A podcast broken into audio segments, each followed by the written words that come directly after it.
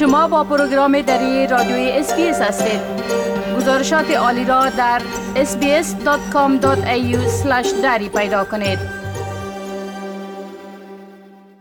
شنونده عزیز حال همکار ما سام انوری بار تازه ترین رویدادها در ارتباط به شیوع ویروس کرونا و وضعیت واکسیناسیون معلومات میتن آقای انوری سلام عرض می کنم خب اولتر از همه اگر از نیو ساوت ویلز شروع کنیم و در اونجا گفته میشه که محدودیت ها را تمدید کرده اگر درباره وضعیت عمومی در ایالت و موضوعات مرتبط به شیوع ویروس کرونا اولتر از همه معلومات بتین.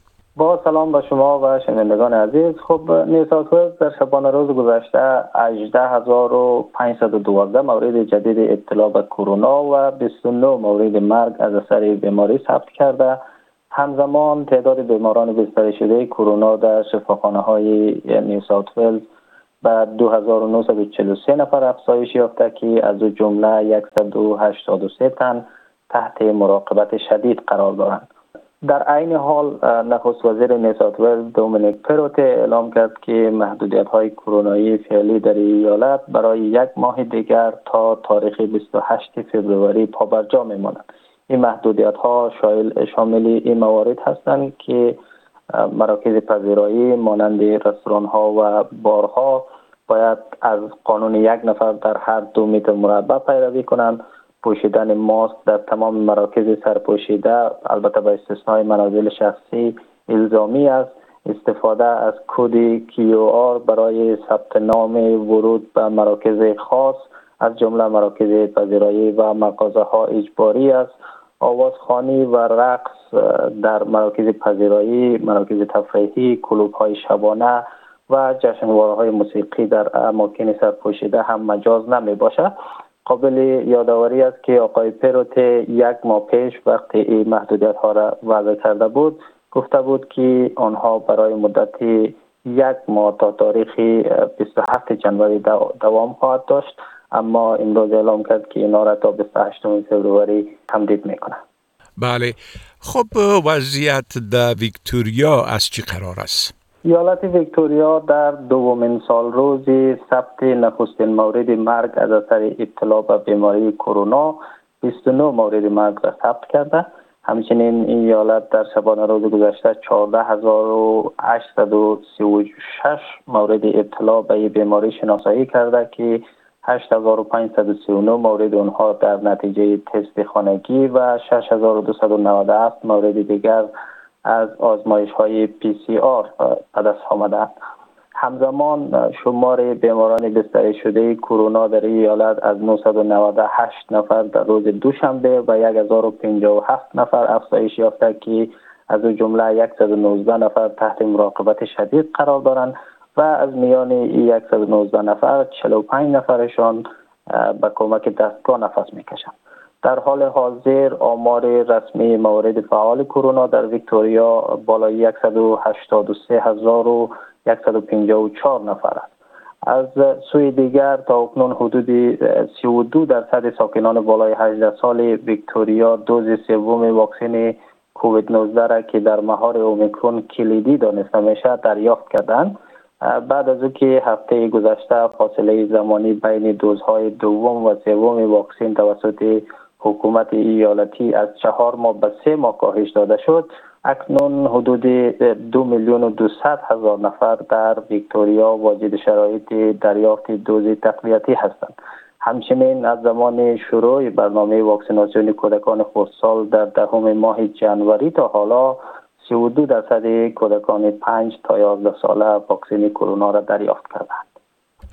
بله خب گفتم میشه که فروشگاه های بزرگ زنجیره ای گفتن که مشکل تدارکات و مال رسانی که در اثر بلند رفتن موارد ابتلا به ویروس کرونا مختل شده بود تا حد حل شده. بله؟ بله فروشگاه های زنجیره میگن که با استوار شدن آمار روزانه کرونا و بازگشت تدریجی کارکنان به سر کار کمبودی ها در بخش تدارکات در حال رفع شدن هستند و قفسه های خالی دوباره از محصولات مورد نیاز مردم پر میشن. فروشگاه زنجیره‌ای ولورس گفته که اوایل ماه جاری 20 درصد کارکنانش در مراکز توزیع غیر حاضر بودند اما اکنون میزان غیر حاضری در مراکز توزیع به 10 تا 13 درصد کاهش یافته. ولورس گفته که وضعیت در حال بهبودی است و از شدت کمبودی محصولات در فروشگاه هایش کاسته شده. در حال حاضر در ولورس تنها بر خرید کیت های آزمایش خانگی پاراسیتامول که همو پنادول است و کاغذ تشناب محدودیت وجود دارد اما در فروشگاه کل علاوه بر اینها بر محصولات مانند گوشت مرغ گوشت کوفته یا قیمه و ساسیج هم محدودیت وجود دارد. بله. خب آل اگر لطفا درباره آمار مجموعی حوادث ابتلا به ویروس کرونا در استرالیا و همچنان در سراسر جهان و همچنان میزان واکسیناسیون در استرالیا و در جهان معلومات بتین.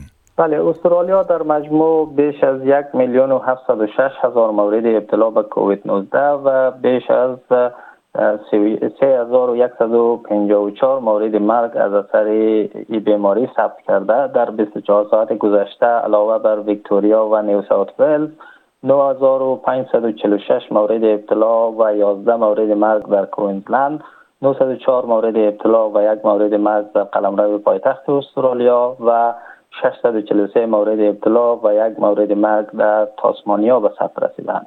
همچنین از آغاز برنامه واکسیناسیون کووید 19 در اوایل سال 2021 تا اکنون بالای 48 میلیون و 55 هزار دوز واکسن در سراسر کشور تطبیق شده بر اساس آمار تا فعلا بیش از 83 درصد استرالیایی های بالای 12 سال واکسین زدند که این شامل بیش از 78 درصد واکسیناسیون کامل و نزدیک به 5.5 درصد واکسیناسیون قسمی میشه. همچنین از آغاز تطبیق دوز سوم یا دوز تقویتی در اواخر سال گذشته تا اکنون نزدیک 26 درصد ساکنان استرالیا دوز سوم زدند تا اکنون اکثر ایالت های کشور فاصله زمانی بین دوزهای دوم و سوم واکسن را به سه ماه کاهش داده و مقامات این ایالت ها از مردم خواهش کردند که به مجرد سپری شدن سه ماه از دوز دومشان بلا فاصله برای دوز تقویتی اقدام کنند. در سطح جهان آمار گزارش شده مبتلایان کرونا به بالای 356 میلیون نفر و رقم قربانیانش هم به بیش از 5 میلیون و 603 هزار نفر رسیده. ایالات متحده آمریکا با ثبت بیش از 71 میلیون و 574 هزار مورد ابتلا و بالای 868 هزار مورد مرگ هنوز در صدر فهرست جهانی کرونا قرار دارد همچنین تا اکنون بالای 9 میلیارد و 818 میلیون دوز واکسن کرونا در سراسر جهان تطبیق شده بله خب بسیار تشکر آقای انوری از این معلوماتتان و فعلا شما را به خدا می سپارم. روزتان خوش. تشکر از شما. خدا نگهدار. می خواهید این گونه گزارش ها را بیشتر بشنوید؟ به این گزارشات از طریق Apple Podcast، Google Podcast، Spotify و یا هر جایی که پادکاستتان را می گیرید گوش دهید.